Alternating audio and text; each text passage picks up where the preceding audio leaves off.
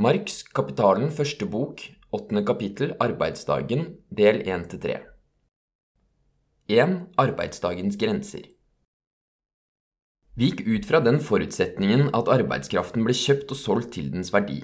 Dens verdi blir, som for alle andre varer, bestemt av den arbeidstiden som er nødvendig for å produsere den. Hvis det tar seks timer å produsere det daglige gjennomsnittet av arbeiderens livsmidler, så må han arbeide i gjennomsnitt seks timer per dag for å produsere sin arbeidskraft, dvs. Si reprodusere den verdien han mottok da han solgte den. Den nødvendige delen av arbeidsdagen utgjør i så fall seks timer. Den er derfor, under ellers like betingelser, å anse som en gitt størrelse. Men det betyr ikke at lengden av selve arbeidsdagen er gitt. La oss anta at linjen A, seks streker B, forestiller varigheten eller lengden av den nødvendige arbeidstiden, f.eks. seks timer. Alt ettersom arbeidet forlenges utover A til B med én, tre eller seks timer, får vi tre forskjellige linjer. Arbeidsdag 1 A, seks streker B, én strek C. Arbeidsdag 2 A, seks streker B, tre streker C.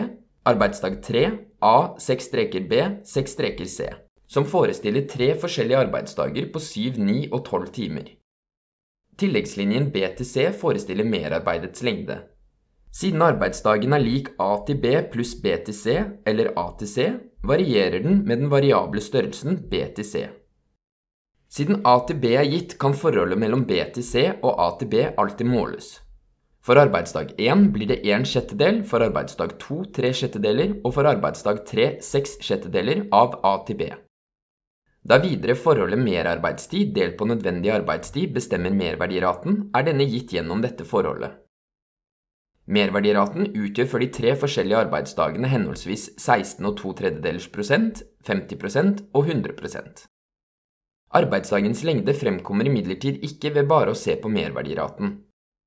Om merverdiraten er 100% så kan arbeidsdagen være på 8, 10, 12 eller enda flere timer. Den ville vise at de to delene av arbeidsdagen, det nødvendige arbeidet og merarbeidet, er like store, men den ville ikke vise hvor stor hver av de to delene var. Arbeidsdagen er altså ingen konstant, men en variabel størrelse. Dens ene del blir riktignok bestemt gjennom den arbeidstiden som er nødvendig for reproduksjonen av arbeideren selv, men arbeidsdagens lengde skifter med lengden eller varigheten av merarbeidet. Arbeidsdagen lar seg derfor bestemme, men er i og for seg ubestemt. Men til tross for at arbeidsdagen ikke er noen fast, men en flytende størrelse, kan den på den andre siden bare variere innenfor visse skranker. Dens nederste skranke kan imidlertid ikke bestemmes. Hvis vi setter tilleggslinjen B til C, dvs. Si merarbeidet lik null, så får vi riktignok en minimumsskranke, nemlig den delen av dagen som arbeidere nødvendigvis må arbeide for å opprettholde seg selv. Men under den kapitalistiske produksjonsmåten vil det nødvendige arbeidet alltid bare danne en del av arbeidsdagen. Arbeidsdagen kan derfor aldri reduseres helt ned til dette minimum. Derimot har arbeidsdagen en maksimalskranke. Utover en bestemt grense lar den seg ikke forlenge. Denne maksimalskranken er bestemt av to faktorer. For det første av arbeidskraftens fysiske skranke. Et menneske kan bare forbruke en viss mengde livskraft i løpet av 24 timer. Tilsvarende kan en hest dag ut og dag inn ikke arbeide mer enn åtte timer per dag. En del av døgnet må arbeidskraften hvile, sove. En annen del av døgnet må mennesket tilfredsstille andre fysiske behov, spise, vaske seg, kle seg osv. Foruten denne rent fysiske skranken støter utvidelsen av arbeidsdagen på moralske skranker. Arbeideren trenger tid til å tilfredsstille åndelige og sosiale behov, og graden av disse er på sin side bestemt av det allmenne kulturnivået. Arbeidsdagen varierer derfor innenfor fysiske og sosiale skranker men begge disse skrankene er av svært elastisk natur og tillater det største spillerom. Vi finner derfor arbeidsdager på 8, 10, 12, 14, 16 og 18 timer, altså av vidt forskjellige lengder. Kapitalisten har kjøpt arbeidskraften til dens dagsverdi. Bruksverdien av den for en arbeidsdag tilhører derfor ham. Han har altså tilegnet seg retten til å la arbeideren arbeide for seg i én dag. Men hva er en arbeidsdag? I hvert fall mindre enn et døgn. Hvor mye mindre? Kapitalisten har sin egen oppfatning av denne ultima thule, arbeidsdagens nødvendige skranke. Som kapitalist er han bare personifisert kapital. Hans sjel er kapitalsjelen. Kapitalen har en eneste drivkraft, driften etter å øke sin verdi, skape merverdi, til å suge inn mest mulig merarbeid ved hjelp av sin konstante del, produksjonsmidlene. Kapitalen er dødt arbeid. Den kan som en vampyr bare holde seg i live gjennom å suge inn levende arbeid, og jo mer arbeid den suger inn, desto mer lever den. Den tiden arbeideren arbeider, er den tiden som kapitalisten forbruker den arbeidskraften han har kjøpt. Hvis arbeideren forbruker den disponible tiden for seg selv, så stjeler han fra kapitalisten. Kapitalisten påberoper seg altså loven for varebytte. Som enhver annen kjøper prøver han å dra størst mulig nytte av sin vares bruksverdi. Men plutselig lyder arbeidere en stemme som var forstummet under produksjonsprosessens stormondrang. Den varen som jeg har solgt til deg, skiller seg fra de øvre varene ved at bruken av den skaper verdi, og større verdi enn den selv har kostet. Dette var grunnen til at du kjøpte den. Det som fra ditt synspunkt fremstår som kapitalens verdiøkning, er fra mitt synspunkt overskytende forbruk av arbeidskraft. Du og jeg kjenner på markedet bare én lov, nemlig loven for varebytte og forbruk av varen tilhører ikke selgeren som avhender varen, men kjøperen som erverver den. Bruken av min daglige arbeidskraft tilhører derfor deg. Men med hjelp av dens daglige salgspris må jeg daglig kunne reprodusere og selge den på ny. Bortsett fra den naturlige svekkelsen som kommer med alderen og lignende, må jeg i morgen være i stand til å arbeide med samme normale kraft, sunnhet og friskhet som i dag. Du forkynner stadig sparsommelighetens og avholdenhetens evangelium for meg. Vel og bra. Jeg skal som en fornuftig, sparsommelig eiendomsforvalter økonomisere med min eneste formue, arbeidskraften, og avholde meg fra enhver tåpelig sløsing med den. Jeg vil hver dag bare sette så mye av den i bevegelse eller i arbeid som er forenlig med dens normale vedlikehold og sunne utvikling. Gjennom en umåtelig utvidelse av arbeidsdagen kan du på én dag forbruke mer av min arbeidskraft enn jeg kan erstatte på tre dager. Det som du således vinner i arbeid, taper jeg i arbeidssubstans. Det å anvende min arbeidskraft og det å plyndre den er to helt forskjellige ting. Hvis 30 år er den gjennomsnittlige tiden som en gjennomsnittsarbeider med en rimelig fornuftig arbeidsbyrde kan leve, så er verdien av den arbeidskraften som du hver dag betaler meg for, 1 del på 365 ganger 30, eller 1 10 950 del av dens totalverdi. Men hvis du forbruker den på ti år, så betaler du meg daglig én del på 10.950 i stedet for én del på 3650 av totalverdien, altså bare en tredjedel av dagsverdien. På den måten stjeler du fra meg hver dag to tredjedeler av min vares verdi. Du betaler meg for én dags arbeidskraft, mens du forbruker tre dagers. Det er mot vår avtale og mot loven for varebytte. Jeg forlanger altså en arbeidsdag av normal lengde, og jeg forlanger den uten å måtte appellere til ditt hjertelag, for i pengesaker kan vi ikke være sentimentale. Du er kanskje en mønsterborger, kanskje medlem av Foreningen til dyrenes beskyttelse og har til og med ry for din hellighet, men den ting som du representerer overfor meg, har intet hjerte i sitt bryst. Det som synes å banke der, er mitt eget hjerteslag. Jeg forlanger normalarbeidsdagen fordi jeg som enhver annen selger forlanger verdien av min vare. Vi ser altså, bortsett fra temmelige elastiske skranker, ligger det i selve varebyttets natur ingen grense for arbeidsdagen, altså heller ingen grense for merarbeidet. Kapitalisten står på sin rett som kjøper når han forsøker å gjøre arbeidsdagen så lang som mulig, og, hvis det er mulig, å få to arbeidsdager ut av én. På den andre siden innebærer den solgte varens særegne natur en skranke for kjøperens forbruk av den, og arbeideren står på sin rett som selger når han vil begrense arbeidsdagen til en bestemt normalstørrelse. Vi står altså her overfor en antinomi, rett mot rett, og begge bærer i like stor grad varebyttet seil. Mellom like rettigheter er det makta som avgjør. Og derfor fremstår i den kapitalistiske produksjonens historie normeringen av arbeidsdagen som en kamp om arbeidsdagens skranker. En kamp mellom totalkapitalisten, dvs. Si klassen av kapitalister, og totalarbeideren, dvs. Si arbeiderklassen. 2. Den umettelige hungeren etter merarbeid. Fabrikant og bojar. Kapitalen har ikke oppfunnet merarbeidet. Overalt hvor en del av samfunnet har monopol på produksjonsmidlene, må arbeideren, enten han er fri eller ufri, yte et overskudd av arbeidstid for å produsere livsmidlene for eieren av produksjonsmidlene, et overskudd utover den arbeidstiden som er nødvendig for å livnære seg selv. Slik har det vært enten eieren av produksjonsmidlene har vært en atensk kalos kagatos, aristokrat, en etruskisk teokrat, en civis romanus, romersk borger, normannisk baron, amerikansk slaveeier, valakisk bojar, moderne grunneier eller kapitalist. Imidlertid må det være klart at hvis det i en økonomisk samfunnsformasjon ikke er bytteverdien, men produktets bruksverdi som dominerer, så vil merarbeidet være begrenset av en snevrere eller videre krets av behov. Det vil ikke oppstå et grenseløst behov for merarbeid ut fra selve prosessens natur. I antikken finner en grusomme uttrykk for overarbeid, for så vidt formålet er å tilegne seg bytteverdien i den selvstendige pengeform i produksjonen av gull og sølv. Den offisielle formen for overarbeid består her i arbeid til døde gjennom tvang. En trenger bare lese Diodorus Siculus for å se dette. I den antikke verden hører dette likevel til unntakene. Men etter hvert blir de folkene hvis produksjon ennå befinner seg på et lavere utviklingstrinn som slavearbeid eller hoveriarbeid osv., trukket inn på et verdensmarked som er behersket av den kapitalistiske produksjonsmåten. Så snart dette skjer, noe som fører til at salget av deres produkter til utlandet får avgjørende betydning, så får de i tillegg til slaveriets og livegenskapens barbariske redsler tilført det siviliserte overarbeidets redsler. Derfor beholdt negerarbeidet i de amerikanske sørstatene en moderat patriarkalsk karakter så lenge produksjonen i hovedsak var innrettet på å dekke de egne umiddelbare behovene. Men i samme grad som bomullseksporten ble til en livsinteresse for disse statene, ble overutnyttingen av negrene, som i visse tilfeller førte til at deres livskraft ble oppbrukt i løpet av syv arbeidsår, en faktor i et beregnet og beregnende system. Det dreide seg ikke lenger om å presse ut av arbeiderne en viss mengde nyttige produkter. Det dreide seg nå om produksjonen av selve merverdien. På samme måte forholdt det seg med hoveriarbeidet f.eks. i Donau-fyrstedømmene. Ved å sammenligne hungeren etter merarbeid i Donau-fyrstedømmene med den tilsvarende hungeren i de engelske fabrikkene, kan vi få frem forhold av særskilt interesse siden merarbeidet under hoveriet har en selvstendig og direkte synlig form. La oss anta at arbeidsdagen består av seks timers nødvendig arbeid og seks timers merarbeid. På den måten leverer den frie arbeideren hver uke 6 ganger 6 eller 36 timers merarbeid til kapitalisten. Resultatet er det samme som om han hadde arbeidet tre dager i uka for seg selv og tre dager i uka gratis for kapitalisten. Men dette er ikke direkte synlig.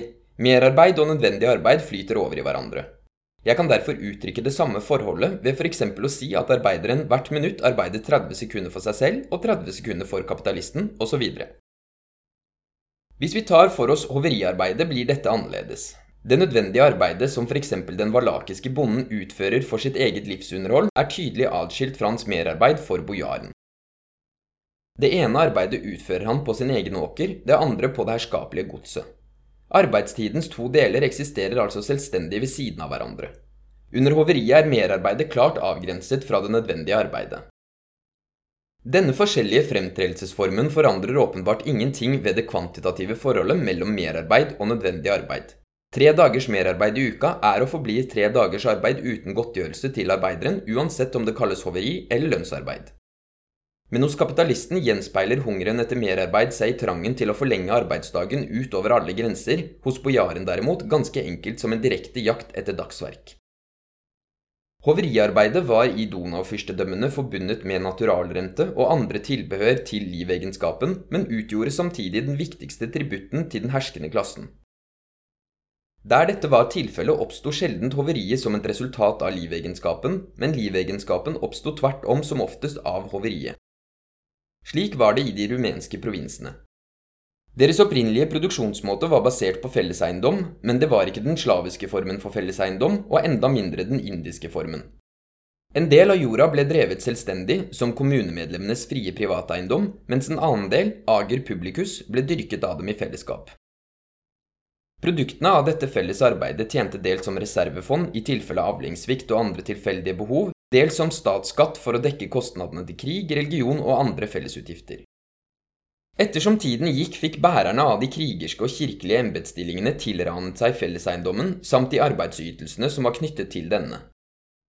De frie bøndenes arbeid på fellesjorda ble forvandlet til hoveriarbeid for dem som hadde røvet fellesjorda. Dermed oppsto livegenskapen, om enn bare i praksis, ikke gjennom lov. Dette skjedde først da verdensfrigjøreren Russland, under påskudd av å avskaffe livegenskapen, opphøyde den til lov. Loven om hoveriarbeidet som ble proklamert av den russiske generalen Kiselev i 1831, var naturligvis diktert av bojarene selv. Russland erobret dermed i ett slag både Donau-fyrstedømmenes magnater og applausen fra de liberale kretinerne i hele Europa. Ifølge Reglement Organique, som er tittelen på denne kodeks for hoveriarbeidet, skylder hver valakisk bonde foruten en masse spesifiserte naturalytelser den såkalte grunneieren følgende 1. Tolv arbeidsdager uten nærmere spesifikasjon. To. Én dags arbeid på jorda. 3. Én dags kjøring av tømmer, summa summarum 14 dager i året. Med dyp innsikt i den politiske økonomien blir arbeidsdagen riktignok ikke bestemt ut fra sin vanlige betydning, men ut fra den arbeidstiden som er nødvendig for å fremstille et daglig gjennomsnittsprodukt. Men dette daglige gjennomsnittsproduktet er bestemt på en så utspekulert måte at ikke engang en kjempe kunne bli ferdig med det på 24 timer. I tørre ord og med ekte russisk ironi forklarer derfor reglementet selv at med tolv arbeidsdager menes produktet av 36 dagers manuelt utført arbeid, med én dags arbeid på jorda menes tre dager, og med én dagskjøring av tømmer menes likeledes det tredobbelte. Alt i alt 42 dager hoveriarbeid. Men dertil kommer den såkalte jobbagi, tjenester som jordeieren har rett til hvis produksjonsbehovene er særlig store. Hver landsby må årlig, i forhold til befolkningens størrelse, stille en viss mengde jobbagi til rådighet. Dette ekstra hoveriarbeidet beregnes til 14 dager for hver valakisk bonde. Det foreskrevne hoveriarbeidet blir derfor i alt 56 arbeidsdager i året. Men av det dårlige klimaet utgjør jorddyrkingsåret i Valakia bare 210 dager. Av disse faller det bort 40 søndager og helligdager, og i gjennomsnitt 30 dager av dårlig vær. Til sammen blir det 70 dager som ikke teller, igjen blir det da 140 arbeidsdager. Forholdet mellom hoveriarbeid og nødvendig arbeid, 56 delt på 84, dvs. Si 66 og 2 tredjedelers prosent, gir en langt lavere merverdirate enn den som regulerer arbeidet til den engelske jordbruks- eller fabrikkarbeider. Men dette gjelder altså bare det hoveriarbeidet som er bestemt gjennom lov. Og i en ånd som til og med er mer liberal enn den engelske fabrikklovgivningen, har Reglement Organique forstått hvordan den kan omgå sine egne bestemmelser. Etter at det er gjort 12 dager til 56 dager, er det nominelle dagsverket for hver av de 56 dagene bestemt slik at en del av dem må dekkes den påfølgende dagen. I løpet av én dag skal f.eks. et jordstykke harves, men til dette arbeidet trengs det dobbelt så lang tid, særlig hvis det dreier seg om et maisfelt. Det lovbestemte dagsverket for en del jordbruksarbeidere kan tolkes slik at dagen begynner i mai måned og slutter i oktober. For Moldau er bestemmelsene enda hardere. Sitat, De tolv dagene med hoveri i reglement organikk beløper seg til 365 dager i året, sitat slutt, utropte en seiersbevisst bojar. Om reglement organikk var et positivt uttrykk for den umettelige hungeren etter merarbeid i Donau-fyrstedømmene, noe som fremgår i hver paragraf av denne loven, så er de engelske Factory Acts negative uttrykk for den samme hungeren. Disse lovene legger bånd på kapitalens grenseløse utsugning av arbeidskraften, idet de gjennom staten tvangsmessig begrenser arbeidsdagen, og det skjer til og med gjennom en stat som beherskes av kapitalistene og godseierne. Om vi ser bort fra arbeiderbevegelsen, som stadig antok en mer truende størrelse, var begrensningen av fabrikkarbeidet diktert av den samme nødvendigheten som førte til at guano ble spredd utover de engelske markene. Den samme blinde rovdriften som i det ene tilfellet utpinte jorda, hadde i det andre tilfellet angrepet røttene til nasjonens livskraft. Perioder med epidemier talte her sitt tydelige språk, liksom den synkende kroppslengden til soldatene i Tyskland og Frankrike. Den nå parentes 1867 parentes slutt gjeldende Factory Act av 1850 tillater i gjennomsnitt ti timer per ukedag, nemlig tolv timer for de fem første dagene i uka, fra klokken seks om morgenen til klokken seks om kvelden. Av denne skal det ifølge loven settes av en halvtime til frokost og én time til middag. Igjen står altså ti og en halv arbeidstime. Videre åtte timer på lørdag, fra klokken seks om morgenen til klokken to om ettermiddagen. Av disse går det bort en halvtime til frokost. Dette gir 60 arbeidstimer, ti og en halv de første fem ukedagene, syv og en halv den siste ukedagen. Det er tilsatt særskilte voktere, fabrikkinspektører, som er direkte underlagt Innenriksministeriet for å passe på at lovene blir overholdt. Deres rapporter blir etter bestemmelse fra parlamentet offentliggjort hvert halvår. De utgjør derfor en fortløpende offisiell statistikk over kapitalens umettelige hunger etter merarbeid. La oss et øyeblikk lytte til fabrikkinspektørene.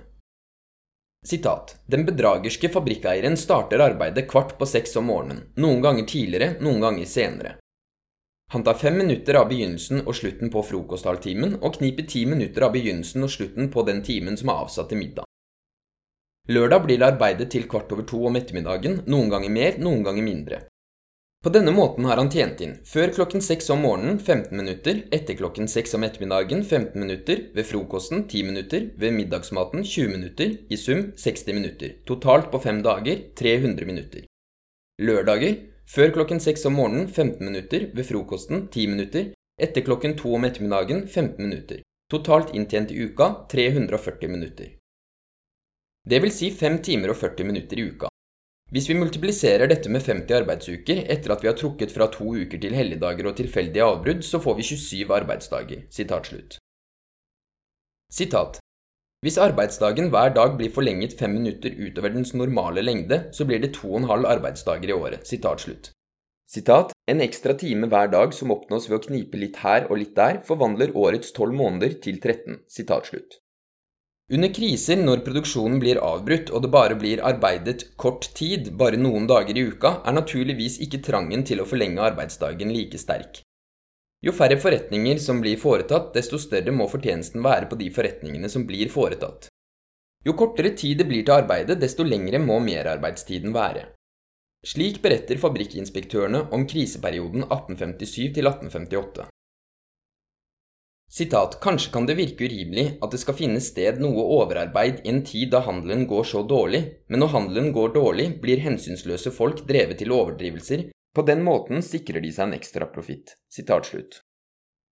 Sitat på samme tid, sitat slutt, sier Leonard Horner, sitat som 122 fabrikker i mitt distrikt er fullstendig oppgitt, 143 står stille, og alle de andre arbeider med redusert arbeidstid, blir overarbeidet utover den lovbestemte tiden fortsatt, sitat slutt.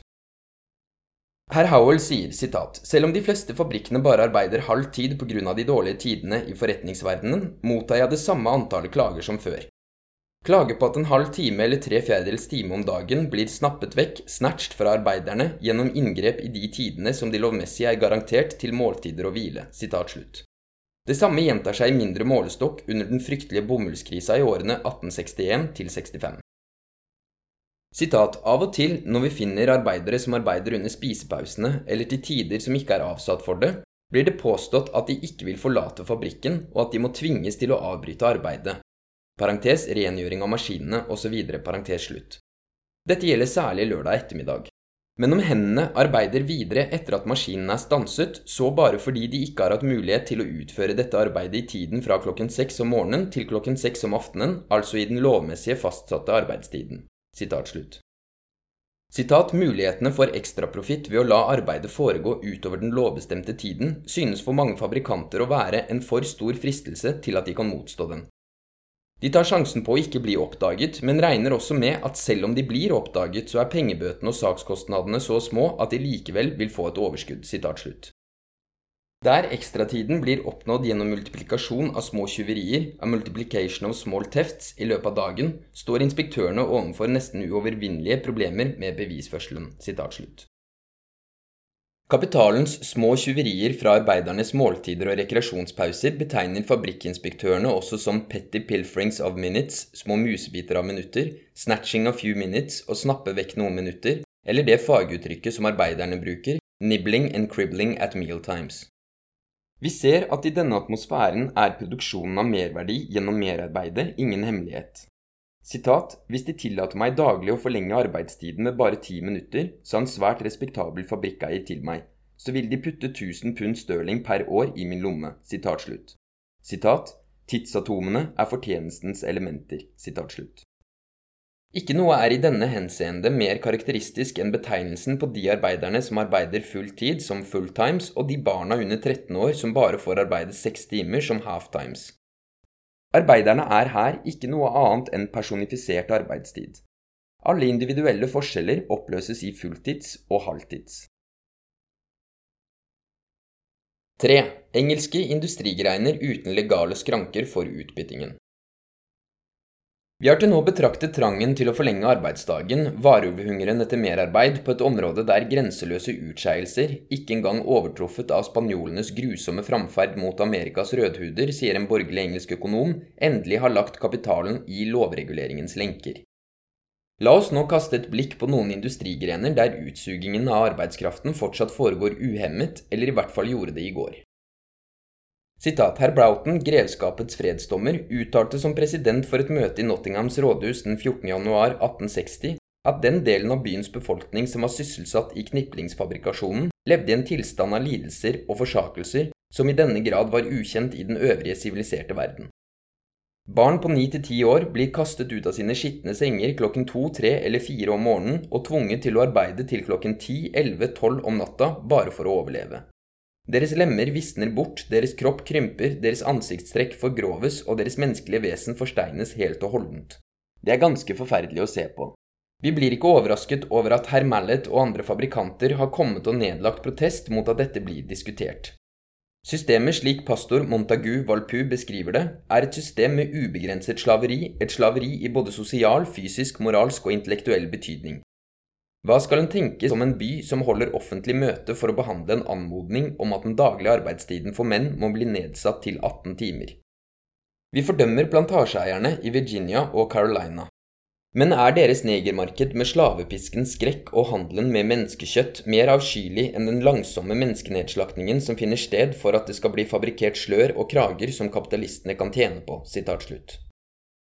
Den keramiske fabrikken Pottery i Staffordshire har i løpet av de 22 siste årene vært gjenstand for tre parlamentariske undersøkelser. Resultatene er nedfelt i herr Scrivens rapport fra 1841 til Children's Employment Commissioners i herr Greenhouse rapport fra 1860, offentliggjort etter beslutning av den medisinske tjenestemannen i Privy Council. Parentes Public Health Third Report 1 102-113, parentes slutt og endelig i herr Longes rapport fra 1863 i First Report of the Children's Employment Commission av 13.6.1863. For mitt formål er det tilstrekkelig å gjengi noen vitneutsagn fra de utbyttede barna selv som finnes i rapportene fra 1860 og 1863. Av disse utsagnene kan en slutte seg til hvordan forholdene er for de voksne, særlig unge piker og kvinner, og det i en industrigren som synes å gi en ganske sunn og behagelig sysselsetting sammenlignet med bomullsspinnerier og lignende. William Wood, nå ni år, sitat, var syv år og ti måneder gammel da han begynte å arbeide. Han ran molds, parentes, bar den ferdige formede varen inn i tørkerommet, for etterpå å bære de tomme formene tilbake, parentes slutt. Han kommer hver dag klokken seks om morgenen og slutter ca. klokken ni om kvelden. Sitat, jeg arbeider hver dag til klokken ni om kvelden, det har jeg gjort de siste syv til åtte ukene, sitat slutt. Altså 15 timers arbeidsdag for et syvårig barn. Jay Murray, en gutt på tolv år, sier Sitat I ran molds and turned jigger. Dreier hjulet. Jeg starter klokken seks om morgenen og ofte klokken fire. Jeg har arbeidet hele den siste natten frem til klokken seks i morges. Jeg har ikke vært i seng siden i går natt. Foruten meg har åtte eller ni andre gutter jobbet hele den siste natta. Alle unntatt én har stilt opp på nytt her i morges. Jeg får tre skilling seks pence i uka. Sitat slutt. Parentes én daler fem grosjen. Parentes slutt. Sitat, jeg får ikke noe mer selv om jeg jobber hele natta. I den siste uka har jeg jobbet hele natta to ganger. Sitat slutt. Ferniho, en tiårs gutt. Sitat, det er ikke alltid jeg har en hel time til middagsmaten, ofte er det bare en halv time hver torsdag, fredag og lørdag. Sitat slutt. Dr. Greenhow erklærer at levetiden i pottemakerdistriktene Stoke upon Trent og Wallstanton er usedvanlig kort. I distriktet Stoke er riktignok bare 36,6% av den mannlige befolkningen over 20 år sysselsatt i pottemakeriene, og i Wallstanton bare 30,4% Men i Stoke skyldes mer enn halvparten av dødsfallene lungesykdommer blant pottemakerne, i Wallstanton ca. to femtedeler. Dr. Boothroyd, praktiserende lege i Handy, sier Sitat, Hver generasjon av pottemakere er mer dvergaktig av vekst og svakere enn den foregående. Sitat slutt. Noe lignende sier en annen lege, dr. McBean.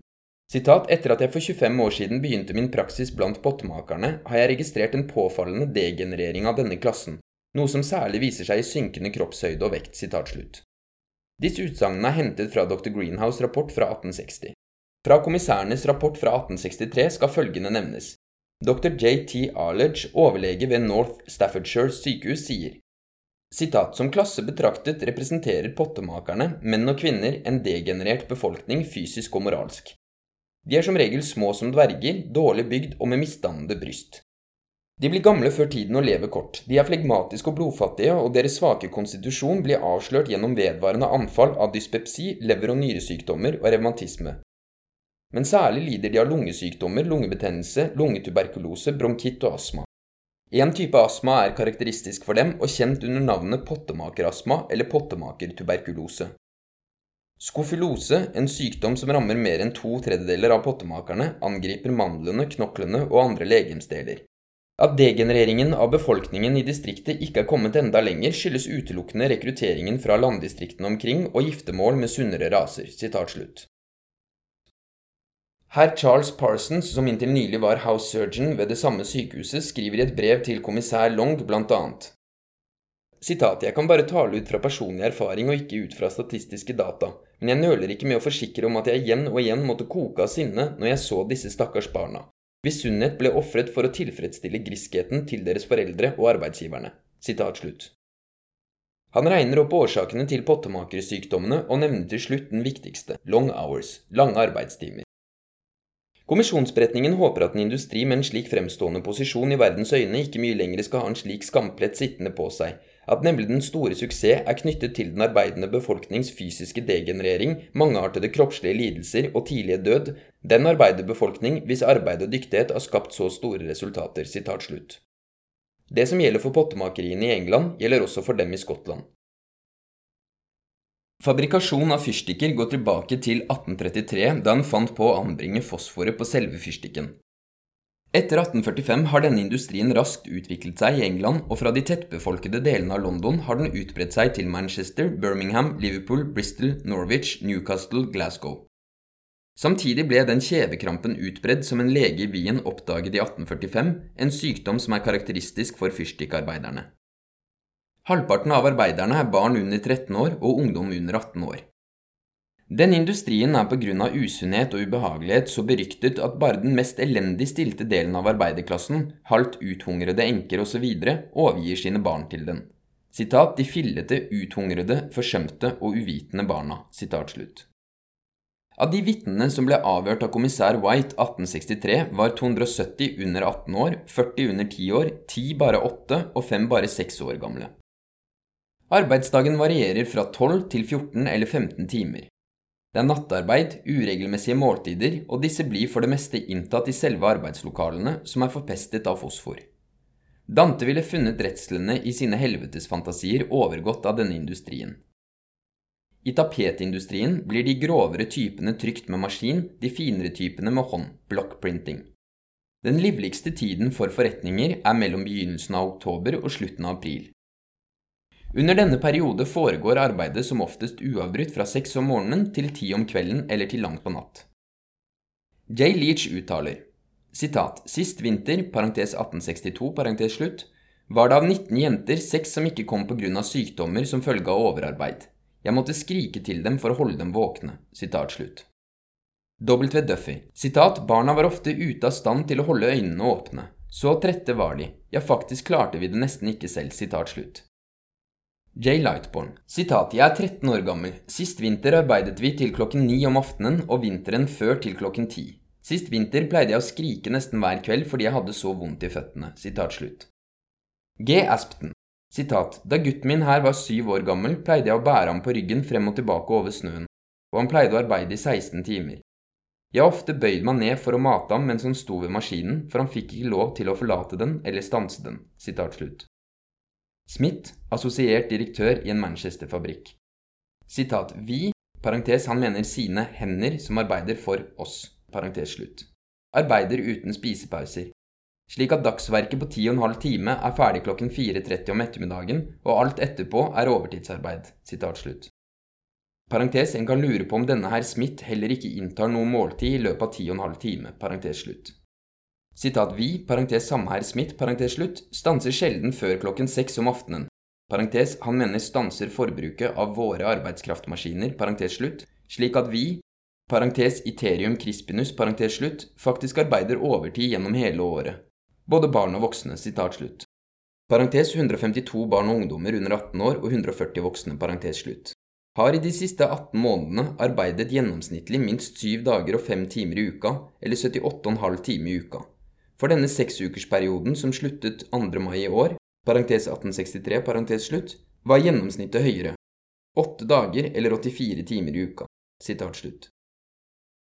Den samme er Smith som er så glad i pluralis majestetis, tilføyer likevel smilende. Sitat, maskinarbeid er lett, sitat slutt. Og samtidig sier de som anvender blockprinting, sitat, manuelt arbeid er sunnere enn maskinarbeid, sitat slutt.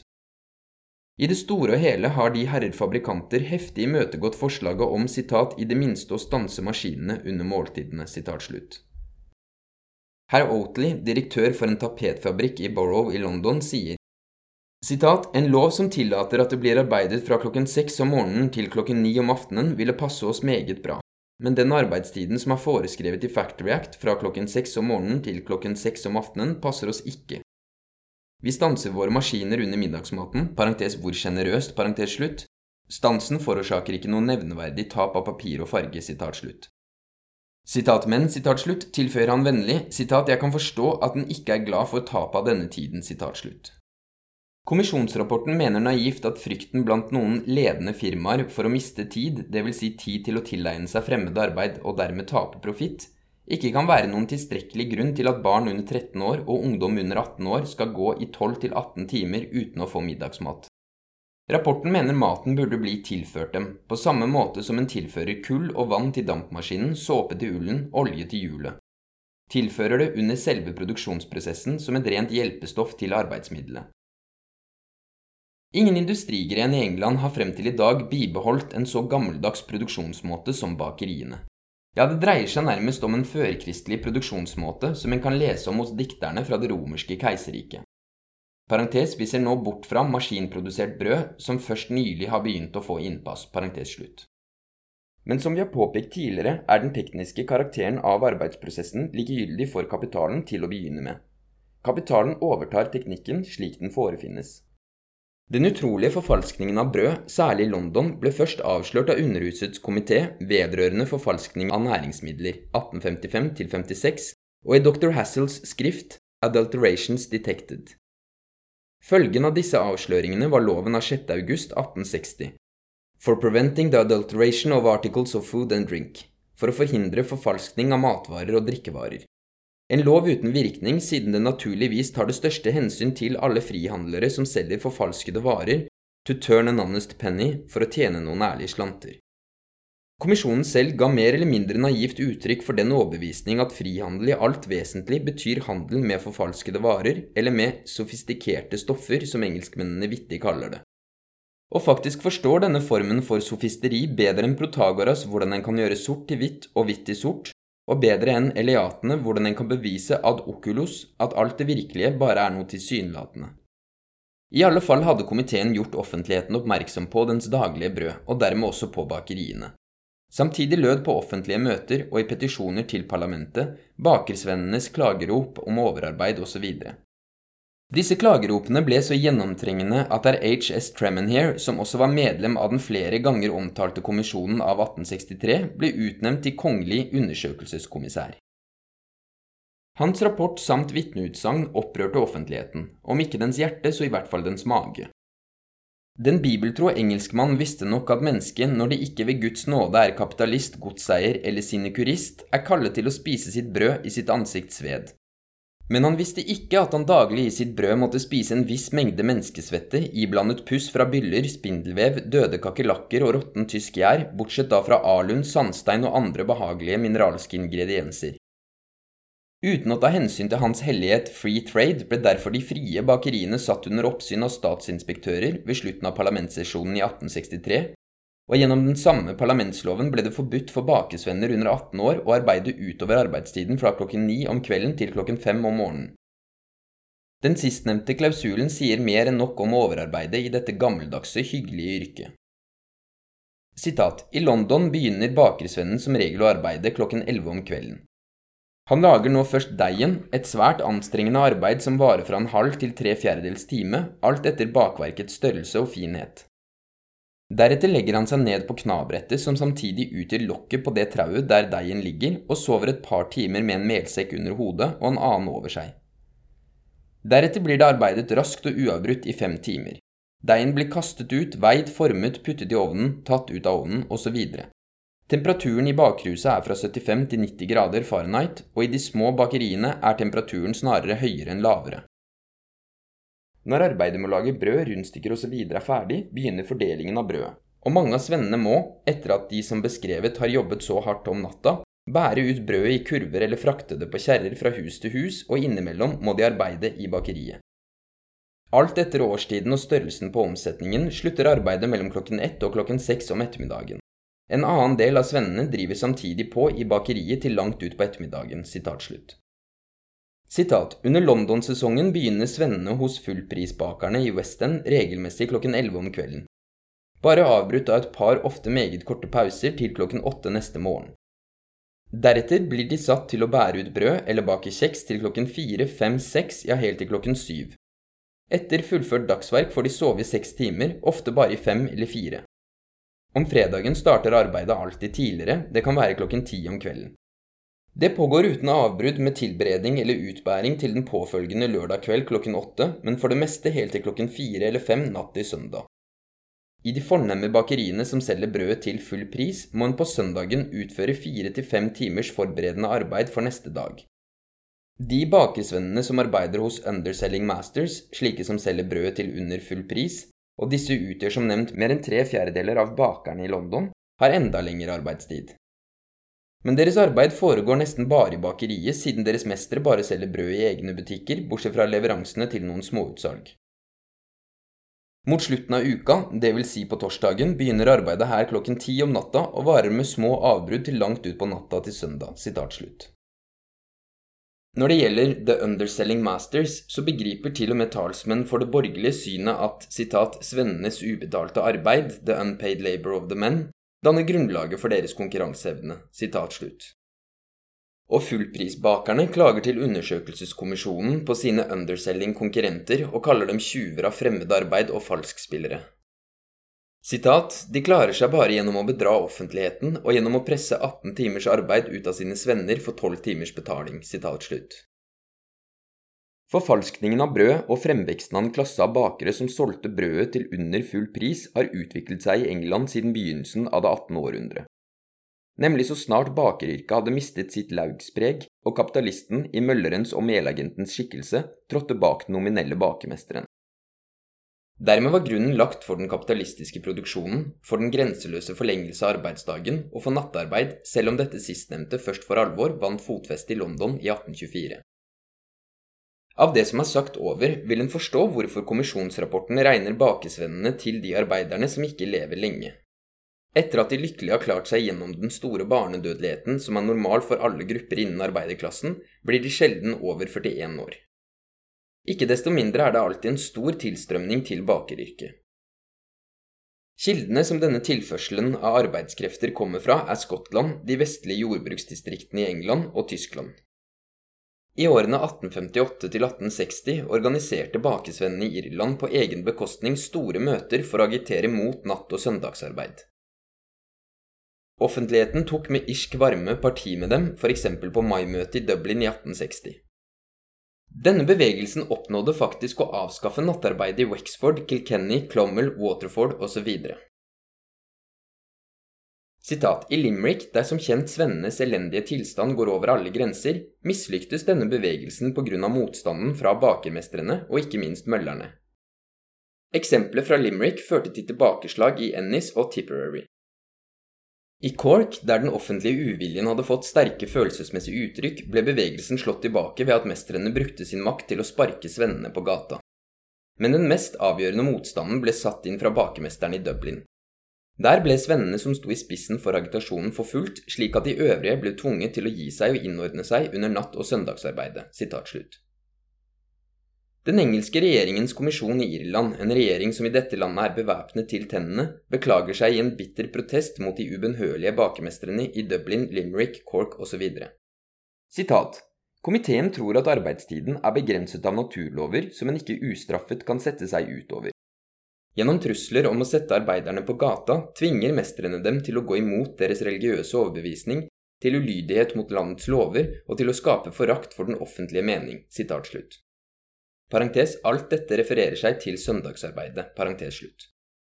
Sitat, på den måten skaper mestrene ondt blod mellom kapital og arbeid, og gir et eksempel som er farlig for religion, moral og den offentlige orden.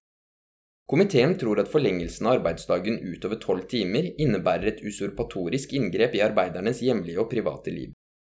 Når den lange arbeidsdagen griper inn i mannens hjemmeliv, får det svært skadelige følger for moralen, for mulighetene til å oppfylle familieforpliktelsene som sønn, bror, ektefelle, far.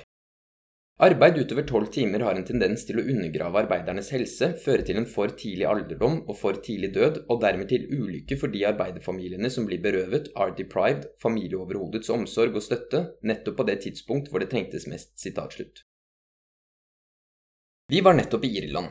På den andre siden av kanalen, i Skottland, klager jordbruksarbeideren, mannen ved plogen, over sin arbeidsdag som er 13-14 timer lang, i et rått klima og med fire timers ekstraarbeid om søndagen, i dette landet der den hellige sabbaten blir overholdt så strengt. Samtidig står tre jernbanearbeidere, en konduktør, en lokomotivfører og en signalmann for en grand jury i London. En stor jernbaneulykke har ekspedert hundrevis av passasjerer til en annen verden. Årsaken er jernbanearbeidernes forsømmelser. De erklærer enstemmig overfor de edsvorne at de for ti til tolv år siden bare arbeidet åtte timer daglig. I løpet av de siste fem–seks årene var arbeidstiden blitt skrudd opp til 14, 18 og 20 timer.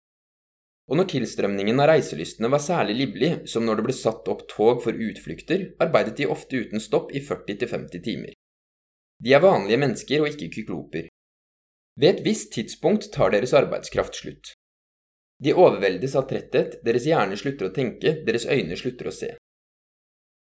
Den tvers igjennom respectable British juryman svarer med en kjennelse som av manslaughter, drap, sender dem videre til kriminaldomstolen.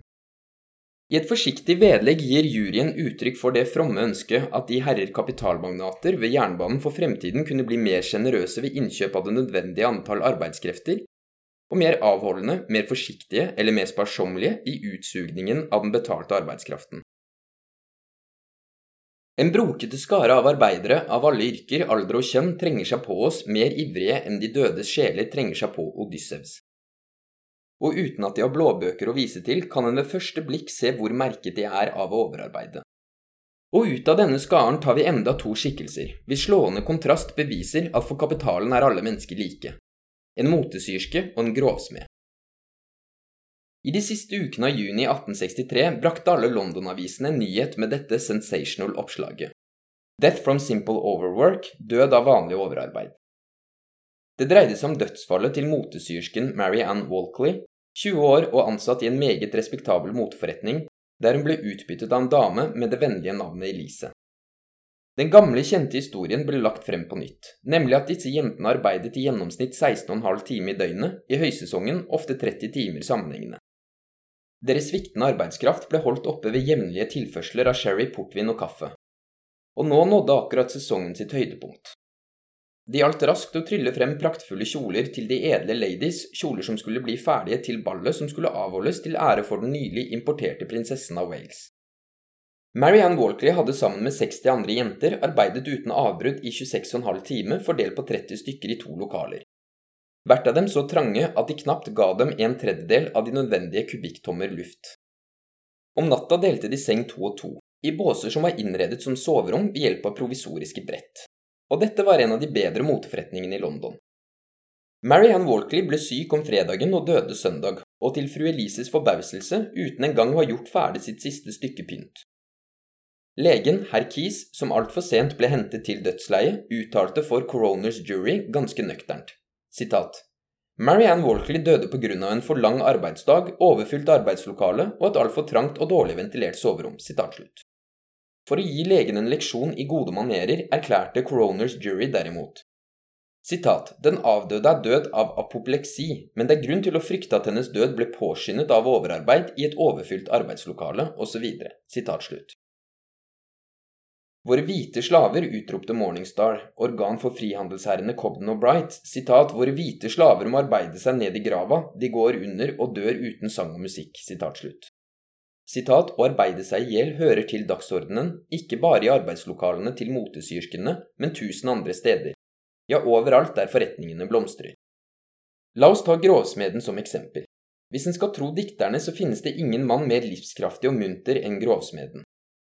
Han står tidlig opp og slår sine gnister før sola, han spiser, drikker og sover som ingen andre mennesker. Med en rimelig arbeidsmengde er hans yrke, med hensyn til hans fysikk, et av de sunneste som finnes. Men la oss følge ham inn i byen og se på den arbeidsmengden som blir veltet over på denne sterke mannen, og finne ut den rangen han har på landets dødelighetsstatistikk. I Marylebone, et av de største kvarterene i London, er dødeligheten blant grovsmedene 31 på 1000 per år, dvs. Si 11 over gjennomsnittsdødeligheten blant voksne menn i England. Selve arbeidet, en kunst som ligger instinktivt hos mennesket, er i og for seg bare av det gode. Men ved overdrivelse fører arbeidet til at mannen blir ødelagt. Han kan daglig slå så og så mange hamreslag, gå så og så mange skritt, gjennomføre så og så mange åndedrett, utrette så og så mye arbeid, og han vil leve i gjennomsnitt f.eks. 50 år. Så blir han tvunget til å slå flere slag, gå flere skritt, ta flere åndedrett, alt sammen for å øke den daglige ytelsen med en fjerdedel. Han forsøker dette, og resultatet blir at han i en begrenset periode utretter en fjerdedel mer arbeid og dør når han er 37 år i stedet for når han er 50.